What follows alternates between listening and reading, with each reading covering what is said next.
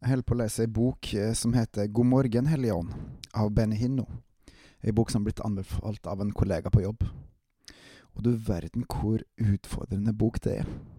Og det som den tar opp, eh, har jeg lyst til å ta opp i dagens Gud av meg, Håkon Winnem.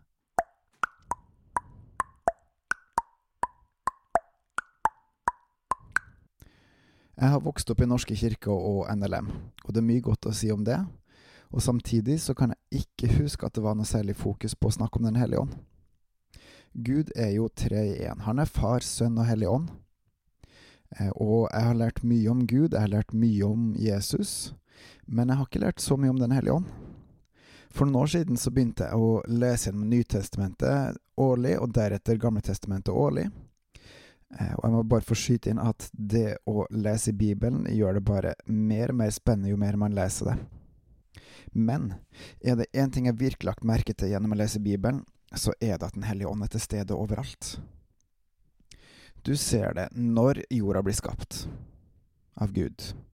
Du ser det når Saul profeterer.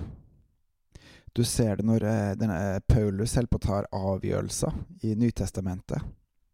Nei, ikke hit, ikke dit. Og så plutselig får han en drøm om til noen som står og venker på han fra Makedonia og sier 'kom over hit'. Du ser det gjennom hvem Jesus sier at han skal sende når han har dratt. Du ser det når hans disipler blir til apostler ved å få Den hellige ånd.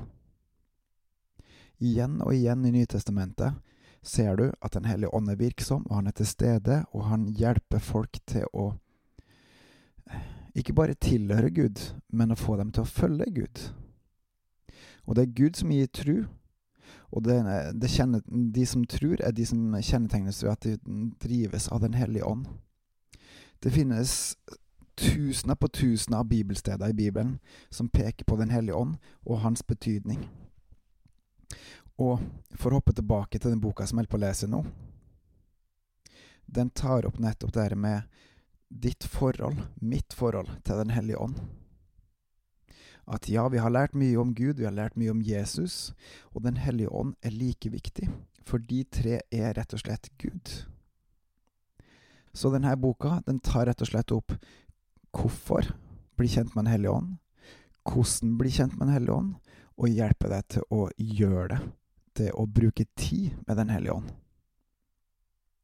Jeg må innrømme at det, det, ringer litt rart i ørene mine, for at dette her er ikke noe jeg har vokst opp med, men noe mer jeg er blitt introdusert for som voksen. Og samtidig så er den eh, Benny Hinn-boka her, den er veldig konkret direkte, og den bruker mange eksempler også, både fra hans og andre sin liv, på at Den hellige ånd ønsker kontakt med meg, Den hellige ånd ønsker kontakt med hver og en for å hjelpe oss til å følge Jesus, til å hjelpe oss til å elske Jesus. Hjelpe oss til å kjenne Han, og til å leve for Gud.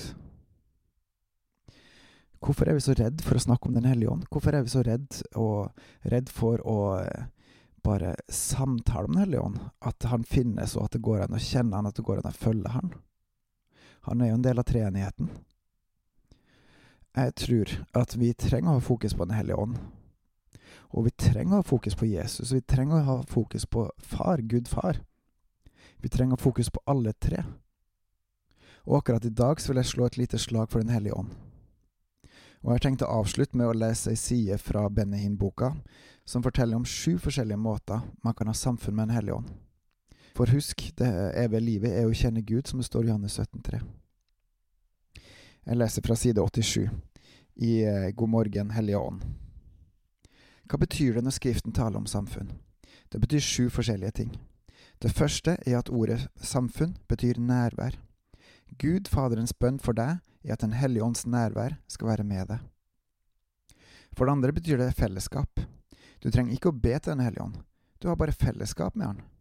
Og du burde søke dette samfunnet på samme måte som du søker etter vann i ørkenen.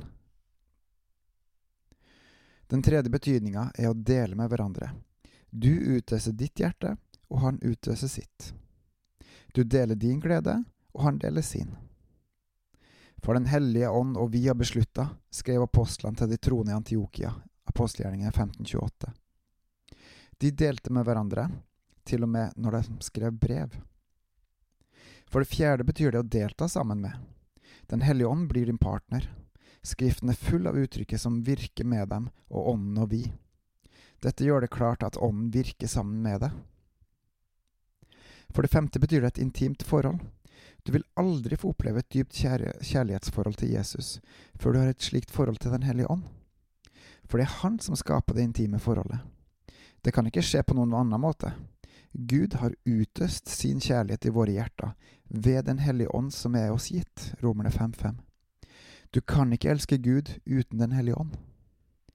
Den sjette betydningen av ordet er vennskap. Ånden lengter etter å bli den nærmeste venn, enn du kan dele dine dypeste hemmeligheter med. Det sjuende er at samfunn betyr kameratskap. På gresk betyr ordet kommandant. Han er som en kaptein, en hersker eller en sjef, men en som er kjærlig og vennlig. På samme måte som han sa til apostlene hvor de skulle dra, og hvor de ikke skulle dra, må han få lov til å herske i våre personlige anliggende. Husk at fordi Jesus gikk bort, er Den hellige ånd sjefen på jorda. Lytter du etter hans stemme? Er du rede til å ha samfunn med han? Da jeg innleda mitt fellesskap med Den hellige ånd, snakka jeg med han natt og dag. Det gikk ikke én dag uten at jeg sa Hellige Ånd, dyrebare Hellige Ånd. Og så begynte vår stund med bønn og samfunn. Jeg elsker lyden av hans røst. Og nettopp det her, det har vi med oss når vi ber, når vi elsker, når vi leser, når vi lytter til Han, altså, og når vi sammen vokser. Bruk tid med Den hellige ånd. Snakk til Han, snakk med Han. Han er en del av Gud, han er Gud. Og Gud, han er god. På gjenhør.